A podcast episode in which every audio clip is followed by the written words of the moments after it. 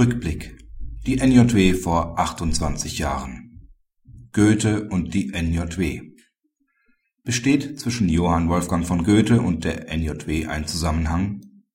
In 51 Heften des Jahres wohl kaum, sieht man einmal von der Tatsache ab, dass sowohl Deutschlands bedeutendster Dichter als auch die orangefarbene juristische Fachzeitschrift ihren Ursprung in Frankfurt am Main haben aber es gibt da ja noch das Schwerpunktheft zum Themenkreis Literatur, Kunst und Recht, in dem Goethe bereits des Öfteren Gegenstand eines Beitrags war.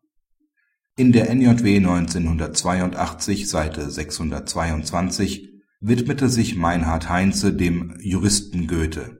Es sei hinzunehmen, dass der Dichter niemals ein umfassend rechtswissenschaftlich ausgebildeter und zivilistisch gebildeter Jurist gewesen ist Darüber sollten aber gerade Juristen nicht traurig sein.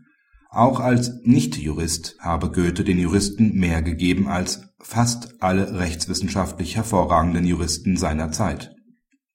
Einer der größten Juristen der vergangenen Jahrhunderte war sicherlich Eduard von Simson, der Gründungspräsident des Reichsgerichts. Von Simson hatte eine prägende Begegnung mit Goethe. Wie Wilhelm Diefenbach ab Seite 725 im aktuellen Heft erzählt. Es war Goethes 80. Geburtstag in Weimar, an dem der damals 18-jährige Ostpreuße und Dr. Jur im Jahr 1829 teilhaben konnte